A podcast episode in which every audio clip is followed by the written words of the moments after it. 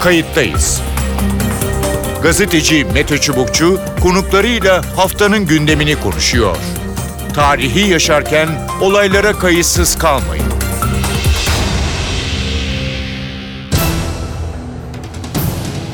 İyi günler bir kayıttayız programıyla daha karşınızdayız. Tarihe ışık tutmak ve olan biteni anlamak için önümüzdeki yarım saat sizlerle birlikte olacağız. Ben Mete Çubukçu.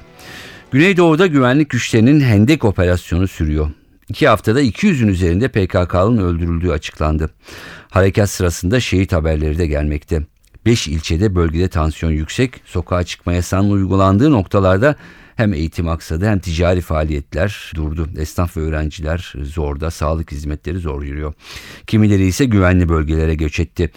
Bir şekilde yasaklardan etkilenenlerin sayısının 1 milyon üzerinde olduğu ifade ediliyor. Peki operasyonlar ne kadar sürecek? Bunun ne gibi yansımaları olacak? Bölgede tam olarak neler yaşanıyor? Tansiyonun düşürülmesi için ne gibi adımlar atılmalı? Her zaman olduğu gibi yine iki konukla bu sorulara yanıt arayacağız konuklarımız bölgeden. Konuğumuz Doktor Necdet İpekyüz. Ee, Necdet İpekyüz DİSA Enstitüsü Başkanı yani Diyarbakır Siyasal ve Sosyal Araştırmalar Enstitüsü önde gelen e, think tank yani düşünce kuruluşlarından e, birisi e, bölgede. Necdet Bey hoş geldiniz programımıza. Teşekkürler, sağ olun. İyi yayınlar. E, kayıttayız da yine Türkiye'nin e, en önemli e, meselesi e, bugünlerde yaşanan e, bu konuyu e, ele alıyoruz. E, gerçekten e, Doğu Güneydoğu'da e, ne oluyor, neler yaşanıyor, tansiyon düşürmesi için ne gibi adımlar atılmalı, e, operasyonlar ne kadar e, sürecek, oradaki e, haleti e, ruhiye.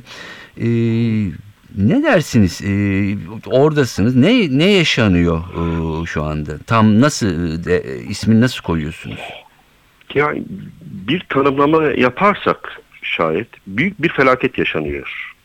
Ve e, giderek herkesin fark ettiği, burada yaşayanların veya bir şekilde takip edenlerin sürdürülemeyen, sürdürülemez olan ve belirsiz bir ortama doğru sürükleniyoruz. Hı hı. İşin doğrusu hep soruyoruz ne olacak ne olacak? Yıllardır bu soruyu soruyoruz. Yani e, kendi kendimize soruyoruz. İşte okulda birçok dönemde. Evet. geçenlerde bir arkadaşımla konuştuğumda ya bıktım. Her sefer en zor döneme girdik en zor döneme girdik. diye. Hı hı. ama insanlara baktığımızda konuştuğumuzda geçmişteki deneyimleriyle beraber herkesin şu anda aslında bir nefese, bir umuda ihtiyacı var. Hı hı. Daha çok güvensiz bir ortam, kaygı, endişe, biraz da hüzün. Bu hüzün de sesinin duyulmaması, yaşananların görülmemesi gibi hı hı. algılanıyor. Ve daha ne olsun, daha görülmesi için ne olması gerekiyor gibi e, bir ortamda yaşıyoruz. Hı hı ve e, baktığımızda e, gerek sokağa çıkma yasağının uzun süreli devam ettiği yerlerde evet. e, gerçekten e, tanklar, toplar e, içeride e, ve bu orada yaşayan insanları çok mahrum etmekte. Burada artık yaşam hakkı öne çıktığı için sağlık, sosyal, eğitim gibi şeylerden söz etmek biraz yüksek kaçmış oluyor. Çünkü Hı. insanlar daha çok can güvenliğini, yaşamını daha kutsal gördüğü için bunlar da ötelendiğinde ve bir belirsizlik devam ettiğinde e, izahı olmayan bir tablola karşı karşıya evet. olduğumuzu düşünüyorum ben. Peki. Ee, şunu soracağım. Ee, çünkü bütün Türkiye'de e, bunu merak ediyor. Ee, nasıl başladığını e, biliyoruz. Yani işte belli yerlere Diyarbakır'da Sur, e, Cizre'de, Silopi'de belli mahallelere işte hendekler kazıldı. E, PKK ya da YDH militanları orada işte oraları tuzakladılar vesaire. İşte tırnak içinde öz yönetim adı altındaki tartışılır bir şeydir. konudur. farklı bir şey yaratmaya çalıştılar. Peki şimdi İnsanlar oraya nereden e, bakıyor? Yani böyle bir gerçeklik de var. Yani devlet sonuçta şu söyleniyor. E, yani kendi egemenliğini bu şekilde bırakamaz ve müdahale etmek durumunda. Ne, ne dersiniz? Şimdi aslında ya konuştuğumuzda, değerlendirdiğimizde bu tartışmalar e, çok yapılıyor. Hı hı. Ama e, son dönemde e, gerek göç eden vatandaşlar, orada hala bulunanlar veya işte kimi entelektüeller, aydınlar, bu konuya kafa yoranlar Hı hı. hep şunu dile getiriyor. Bugün bir yangın var, bu yangının sönmesi lazım. Hı hı. Ama şu oldu, ama bu yol, bu oldu, şu kazıldı, şu şunu söyledi, bu bunu söyledi gibi birçok gerekçe çıkartabiliriz. Evet. Ama bugün yaşanan bir tablo var. Evet. Bu yaşanan tabloda aslında daha ötekileştirici, daha zor, daha şiddeti davetiye çıkartan ve yarın öbür gün bunun onarılması bu geçmişte yaşadığımız çok rüya gibi diyebileceğimiz dönemi çok uzaklaştırıyor. Ee, bugün insanların büyük beklentisi ve benim de e, dile getirmek istediğim sizin aracınızda Buyurun. bir yangın var. Bunun Hı hı. gerekçelerine girmeden çünkü sonuçta insanlar ölmemeli, şiddet tekrar egemen olmamalı. Bunu bir durdurmak lazım. Bir nefese ihtiyaç var. Bir soluk almaya ihtiyacımız var. Hı hı. Bu soluk almadan sonra nerede ne yanlışlar yapıldı? Kim ne yanlış yaptı? Çünkü hükümetler gider, yönetimler gider. Ama Anadolu'yu tanımadığımız, Türkiye'yi tanımadığımız toprakta yaşayan insanlar gitmez. Yine bir arada olacaklar. Hı hı. Okulda, hastanede, hapishanede, askerlikte, işte, ofiste yan yana olacaklar. Bunu diri tutabilmemiz lazım. O yüzden bir nefese ihtiyaç var. Gerekçelerden daha çok e, hiç olmadığı bir şey Cumhuriyet'ten bugüne kadar hep güvenlikçi politikalardı. Bir diyalog dediğimiz, Evet. konuşma dediğimiz, tabu görülen şeyler işte bölünür, yıkılır, birçok denilen şey konuşulduğunda acılar ortaklaşmaya başlamıştı, insanlar birbirini dinlemeye başlamıştı. İnsanlar kendi bulunduğu yerdeki vesayetçi, dayatıcı şeyleri artık yavaş yavaş eleştiriler getirmeye başlamıştı. Şiddet günübirlik yaşamdan çıkıyordu. Hı hı. O yüzden bir soluğa ihtiyaç var. Ee, bir an önce bu yangına dur demek lazım. Evet. Ee, biraz önce bir cümle kurdun. 3 yıl e, gibi, 3 yıl rüya gibi bir süre e, Evet. dediniz. E, sanırım oradaki e, çatışmasızlık ya da hani ismi konmasa bile işte bir çözüm süreci, barış sürecinden söz ediyordunuz değil mi? Evet, evet, evet.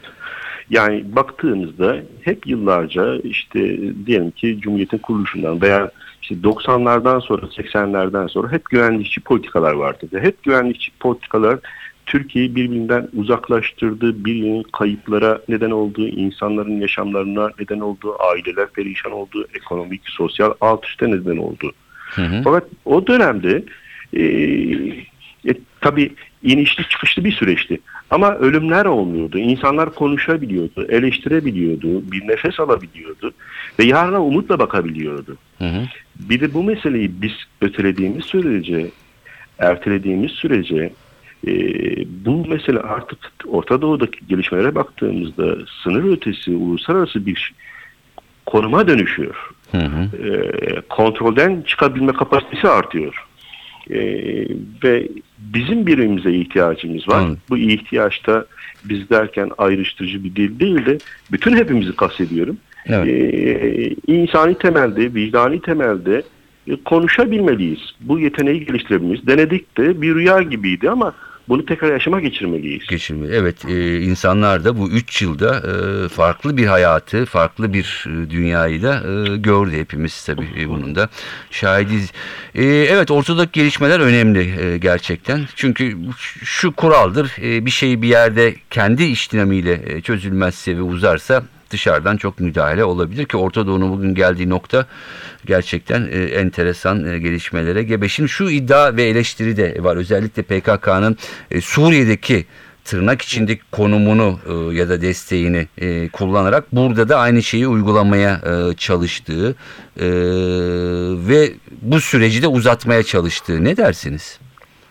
Buna benzer iddialar oluyor. Tabii biz içinde işin içindeyiz ama e, bir aktör olarak da daha çok eleştiren bir tutumumuz var. Evet.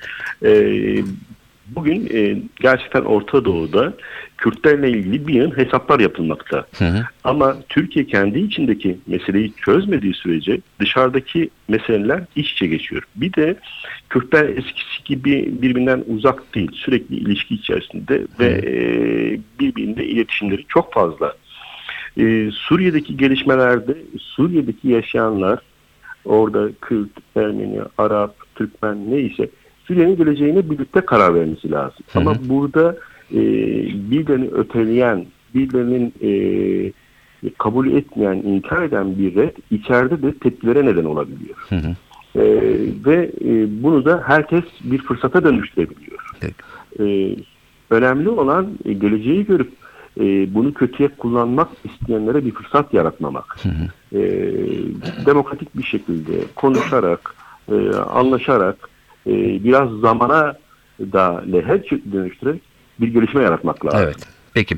Ee, son şunu soracağım e, Necdet Bey. E, kısa e, vadede bu e, belki birkaç gün olmayabilir ama e, bir hafta, bir ay.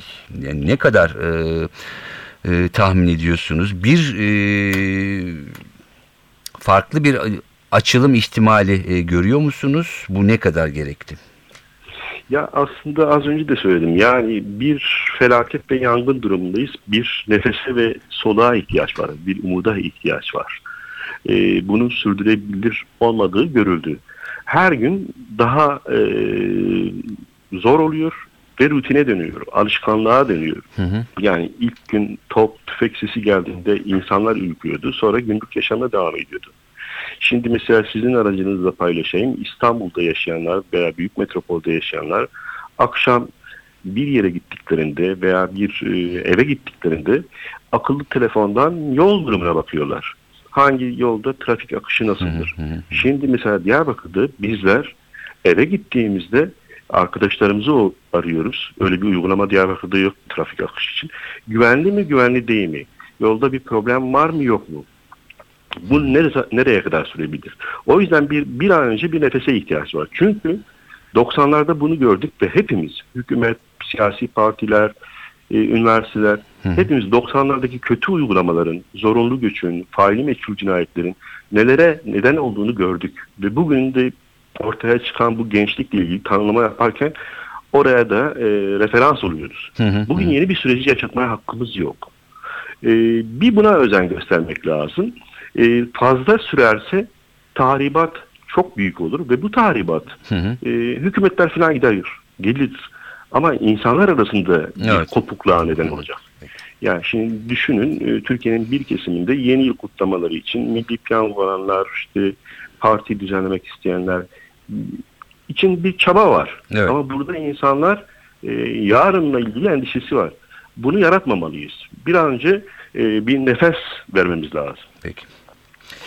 Necdet Bey çok teşekkür ediyorum. Ben teşekkür Ee, ediyorum. Umarım e, sorun e, en kısa sürede e, hallolacaktır e, diyelim. Peki.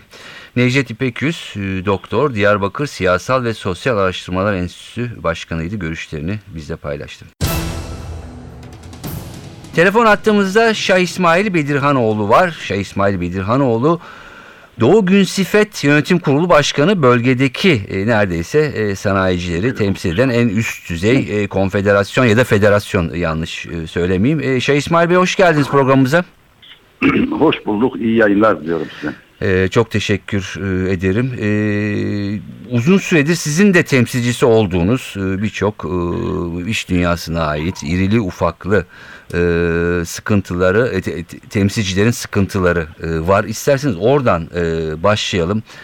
E, nedir? Evet yani çatışmaların insanların hayatını kaybettiği bir ortamda tabii ki işleri konuşmak kolay değil ama hayat da bir yandan e, devam ediyor. Devam E, neler söylemek istersiniz? Ne, en, nereye geldi işler e, ticari olarak e, ne bileyim e, iş dünyası açısından?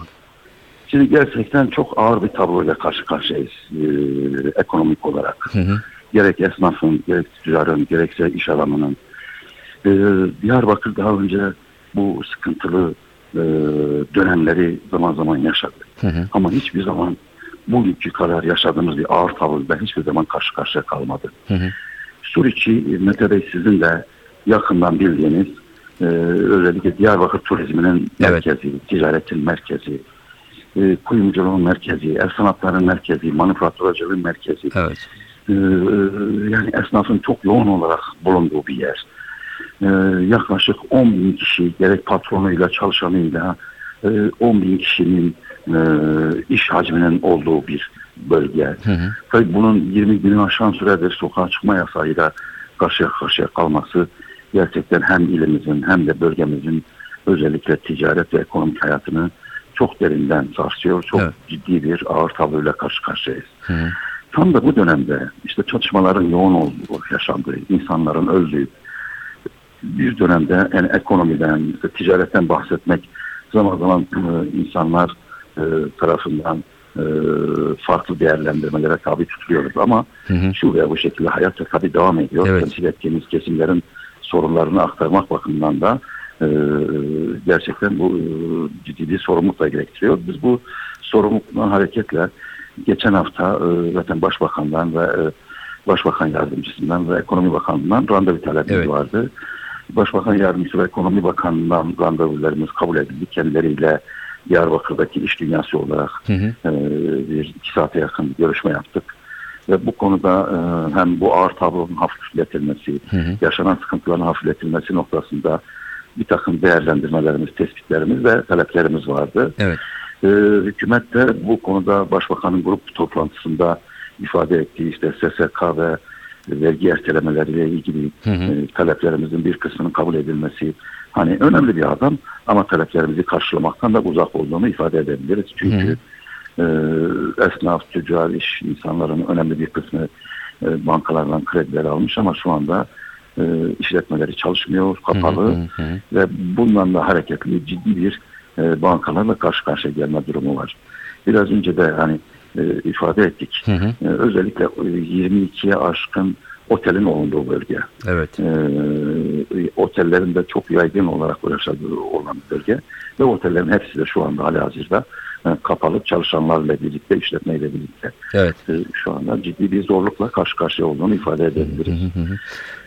Ee, peki şunu sormak isterim. Ee, siz e, ya da size benzer e, oluşumlar, örgütler, e, ticaret odaları ya da diğer e, önde gelen e, oluşumlar birlikte e, örneğin e, bir çağrı yapıp yani kimse işte bunu şey yapan bu PKK mıdır, YDH midir ya da bu o şey yapan artık e, bırakın e, ve bu hani şehir giderek e, başka bir hal alıyor gibi bir çağrı e, ya da devlete de, de hükümet yetkilileriyle de e, görüştüğünüzü e, söylüyorsunuz.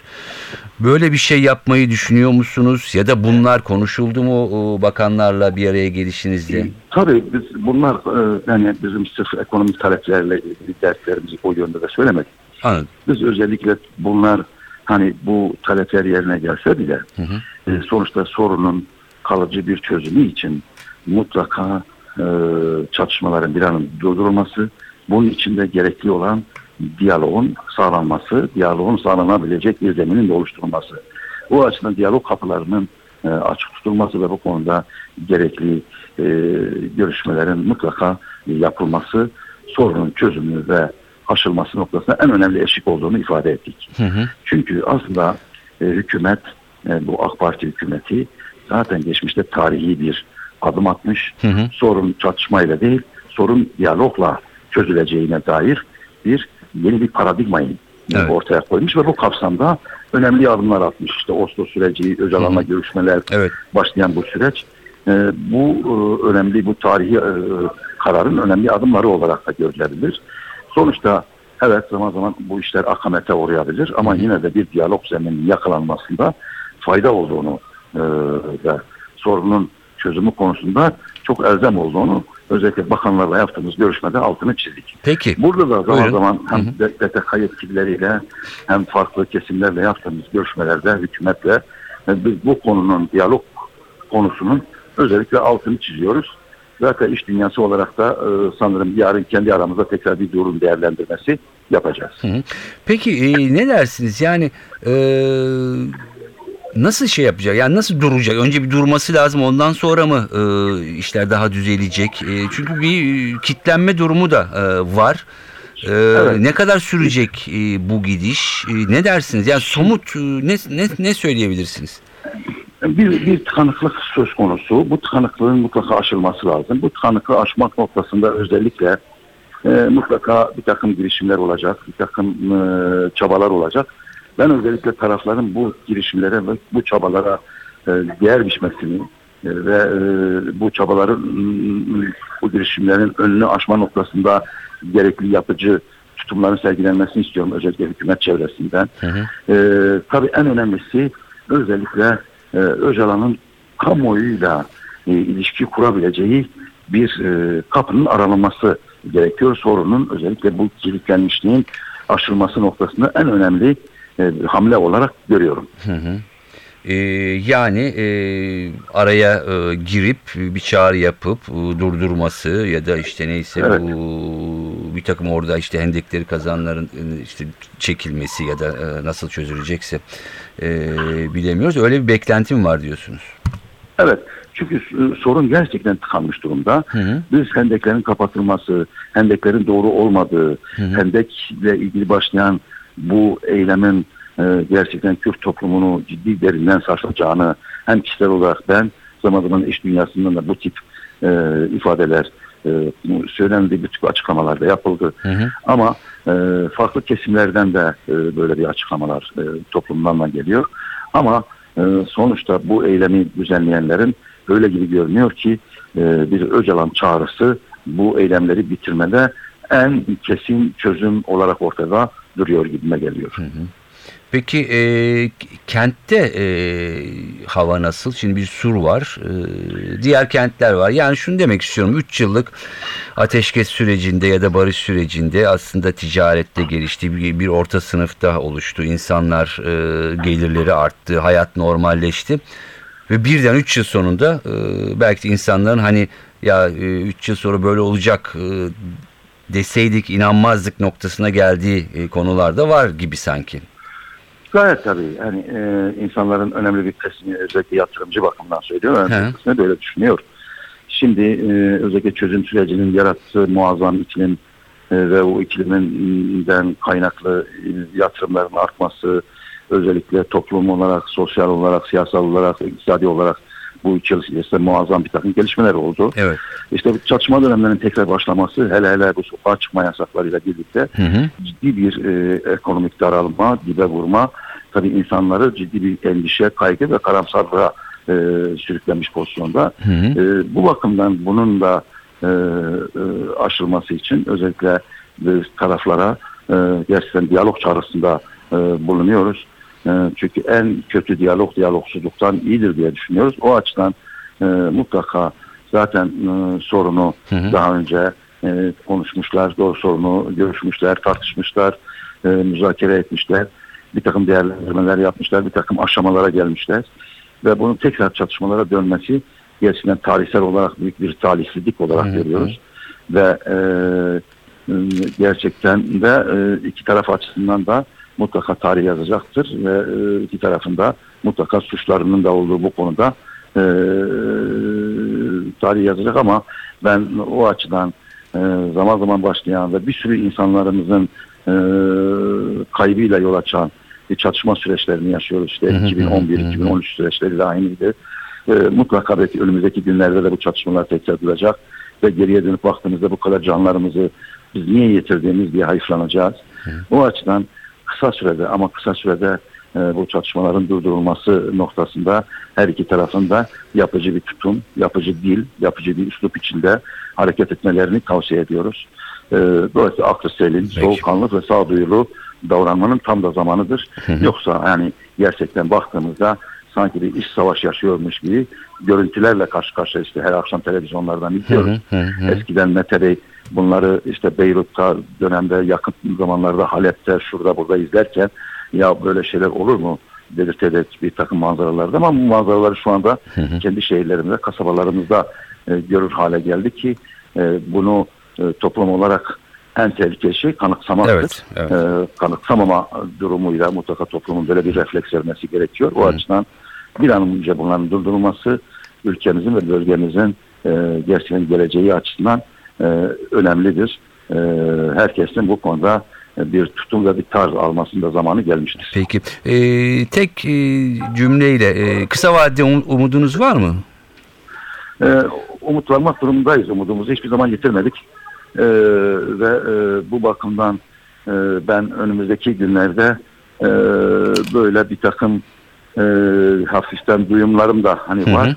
Ben e, sanki e, böyle bir aya kadar buna dönük bir takım somut adımların atılabileceğine dair hem de bir beklentim hem de bir, bir hissim var öyle Peki diyelim. umalım ki e, öyle olsun. Şeyh İsmail Bedirhanoğlu çok teşekkür ediyoruz programımıza teşekkür katıldığınız için. Kolay gelsin. diliyoruz, Sağ olun. Sağ olun. Şeyh İsmail Bedirhanoğlu Doğu Günsifet yani Doğu ve Güneydoğu Anadolu Sanayi İş Adamları Federasyon Yönetim Kurulu Başkanıydı. Evet umalım yaşananlar bir an önce sonuçlansın ve bölgede hayat normale dönmeye başlasın. En azından bunun için belli bir süre belki bir sükunete de ihtiyaç var konuklarımızın söylediği gibi. Ama tabii ki bu görüntülere de alışmamak gerekiyor. Çünkü alıştığınız e, zaman anormal bir şey e, olmuyor gibi düşünüyorsunuz ama öyle değil. Umalım bu olaylar yaşananlar kısa sürede bir nihayete ersin. Evet ben Mete Çubukçu editörümüz Sevan Kazancı. Kayıttayız programından da bu haftalık bu kadar. Önümüzdeki haftalarda yeniden birlikte olmak amacıyla hoşçakalın.